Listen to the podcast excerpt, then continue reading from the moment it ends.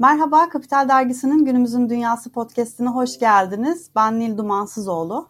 Bu hafta geleceğin iş hayatını şekillendirmeye hazırlanan Z kuşağını konuşacağız. Konuğumuz kuşak araştırmacısı Evrim Kur'an. Hoş geldiniz. Merhaba, hoş bulduk. Öncelikle şöyle söyleyeyim kendi adıma. Ben özellikle boomerların yeni kuşakları sürekli yargılamasından çok rahatsız oluyorum. E, çünkü gençlerini sevmeyen, beğenmeyen bir ülkenin, bir kurumun sistemini nasıl onlara göre değiştirebileceği konusunda şüphelerim var. Bu yargılama benim bildiğim kadarıyla sizin de hoşunuza gitmiyor. Ve ben sizin konuşmalarınızda dinlemiştim bunu. Bu yargılama yine aynı şekilde Aristo'dan beri devam eden bir şey aslında. Önceki kuşaklar yeni kuşakları asla beğenmiyor. Kimdir bu Z kuşağı? Bir önceki kuşaktan ayrılan en belirgin özellikleri nedir? Sizden dinleyelim. Evet, bizden sonra gelenleri beğenmediğimiz gibi bizden öncekileri de beğenmiyoruz. Dolayısıyla hayata kendi yarattığımız kulelerden bakıyoruz. Onlara ideolojik kuleler demeyi tercih ediyorum ben. Kendimize, kendi kuşağımıza dair bir ideoloji yaratmışız ve en doğrunun, en güçlünün, en bilgenin kendimiz olduğunu zannediyoruz. Bu asırlardır böyle. Kuşaktan kuşağa da geçiyordu açıkçası. Fakat Türkiye'nin bütün bu demografik, dünyanın değişen demografik yapısında bambaşka bir özelliği var. Türkiye çok genç bir ülke. Soru şu ki acaba gençlerini seven bir genç ülke mi? Yaşlanan bir ülke olmakla beraber 32.4'e geldi artık yaş ortalaması. Yaşlanan bir ülke olmakla beraber hala genç bir ülke. Y jenerasyonu Türkiye'de 40 hatta 41 diyebiliriz artık.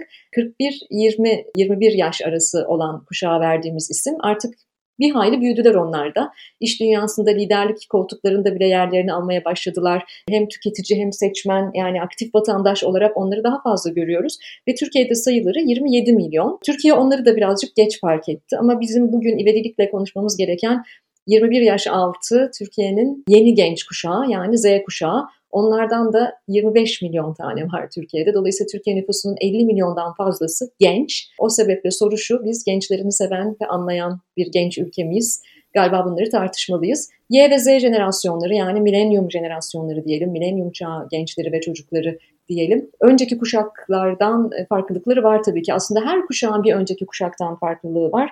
Ama en belirgin farklılıkları Y kendisinden önce gelen, benim de mensubu bulunduğum X kuşağına kıyasla daha fazla deneyim odaklı, daha fazla topluluk ve toplum odaklı ve daha az ölçülebilir performansla ilintili bir kuşak olarak hayatımıza girdi. O yüzden aslında bambaşka bir çalışan profili olarak hayatımıza girdi yıllar önce ve bambaşka bir tüketici profili olarak hayatımıza girdi. Şimdi bir süredir Türkiye'de daha da farklı bir tüketici, daha da farklı bir okur, daha da farklı bir seçmen daha da farklı bir çalışan modeli yetişiyor. Z jenerasyonu diyebiliriz onlara da. Bunların da önceki jenerasyondan yani Y jenerasyonundan farkı evet onlar da deneyim odaklı ama daha da çok anlam odaklılar. Bunu neden yapıyoruz? Bunun anlamı ne? Ve dayatılan fikirleri, dayatılan ürünleri, dayatılan sistemleri aslında pek de savaşmadan sessizce reddedebilecek ve reddetmeye de başlamış bir kuşak. Siz Z kuşağı ile birlikte bağlam merkezli bir dönemin başladığını söylüyorsunuz. Bunu biraz açabilir misiniz bağlam merkezli ne demek? Evet aslında e, ürün ve içerikten bağlama yani deneyime doğru geçtiğimizi düşünüyorum.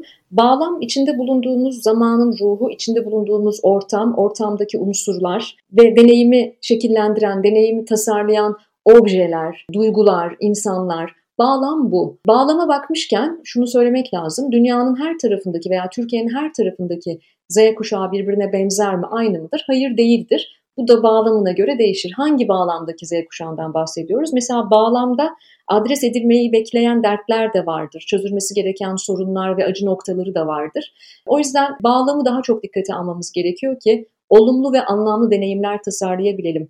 Hem seçmen olan, hem vatandaş olan, hem tüketici olan hem çalışan olan Z kuşağı için. Peki şimdi Y kuşağından bahsediyorduk aslında bundan birkaç sene öncesine kadar. Şimdi iş dünyasında Y kuşağının bir hakimiyeti oldu çünkü hani en yaşlısı 40 yaşına geldi diyebiliriz. O zamanlarda Y kuşağının daha çok böyle saygısız, tatminsiz, patavatsız, bireysel ya da bencil olduğu çok konuşuluyordu. Daha eski kuşak yöneticiler tarafından.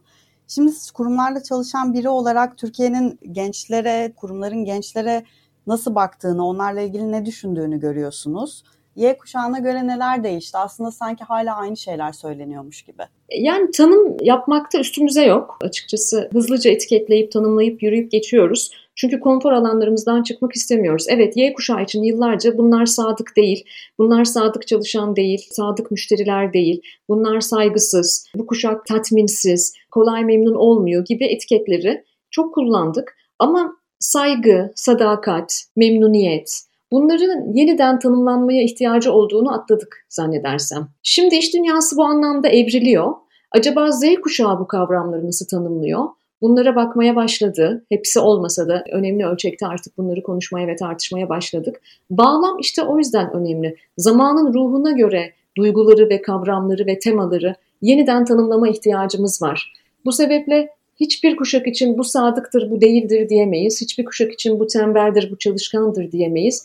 Soru her zaman şu olmalı. Neye göre, kime göre, hangi bağlama göre? Siz bir yıldır pandemi bağlamında yaşayan bir dünyada saygıyı, terbiyeyi, sadakati, iyimserliği önceki dönemin koşullarına göre tanımlayabilir misiniz? Dolayısıyla her dönemin, her zamanın kendi ruhuna göre tanımları gözden geçirmemiz gerekiyor.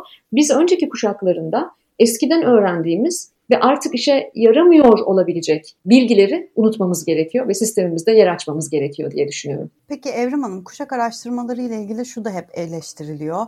Yani Afrika'daki bir Z kuşağına mensup bireyle işte Amerika'daki aynı olabilir mi?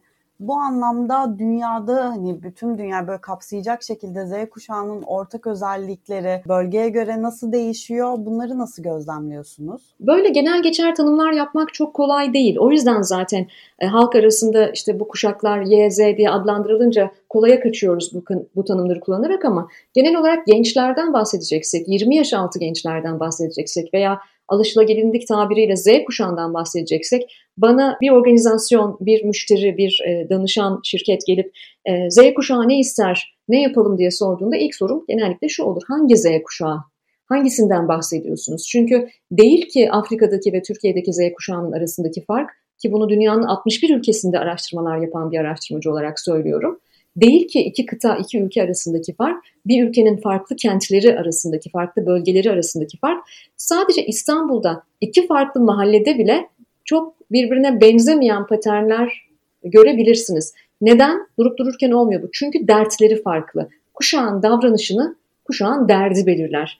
Benim de görevim bu dertlerin ortaya konmasını sağlamak ve bunlara sürdürülebilir, akılcı, kalıcı ve kuşaklar arası barışı sağlayabilecek çözümler bulmayı kolaylaştırmak. O yüzden e, bağlam çok önemli. O yüzden hangi Z kuşağından bahsettiğimiz, bir markanın hangi gençleri hedeflediği, bir ülkenin e, gençlerinin tamamını ve birbirine benzeyen ve benzemeyen gençlerinin tamamını neden önemsemesi gerektiği bu anlamda bence son derece kritik. E, bizim yaptığımız demografi araştırmalarında da tabii ki bölge bölge, ilgi alanı e, itibariyle ve farklı çeşitlikler itibariyle, sosyoekonomik seviyeler itibariyle ayrıştırarak bu şekilde görmeye çalışıyoruz.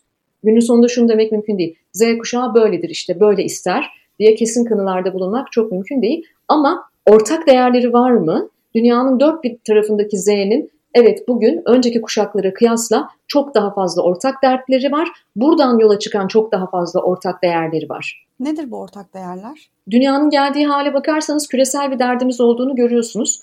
Artık sürdürülebilirlik gibi bir kavram var hayatımızda. Şimdiye kadar şirketlerin 20. yüzyılda şık sunumlarında veya tanıtım dosyalarında yer alan havalı bir kelimeydi ama artık bunun altını doldurmamız gerekiyor. Çünkü biz acılı, ağrılı ve sancılı bir dünya bırakıyoruz bu çocuklara. Çevresel sürdürülebilirlik, topluma ve çevreye olan sorumluluğumuz, hunharca tüketmiş bir dünya, hunharca tükete gelmiş kuşakların artık bir son bulması gibi genel geçer, küresel olarak dertleri olan çocuklar bunlar. O yüzden dünyanın dört bir tarafında Türkiye'den Hindistan'a, İskandinav ülkelerinden Amerika'ya varana kadar, Afrika'ya, Çin'e varana kadar gördüğünüz gibi dünyanın dört bir tarafında Z kuşağı bugün iklime karşı eylemler düzenliyor. Bunlar bence çok önemli. Öte yandan adalet e, ve liyakat gibi bir talepleri var hangi bölgeye, hangi sosyoekonomik seviyeye ve hangi kente giderseniz gidin bunun da çok ortak bir tema olduğunu görüyoruz. Bu da kendiliğinden oluşmuyor. Neden? Aslında liyakatı uzun dönemdir, birkaç kuşaktır önemsememiş, göz ardı etmiş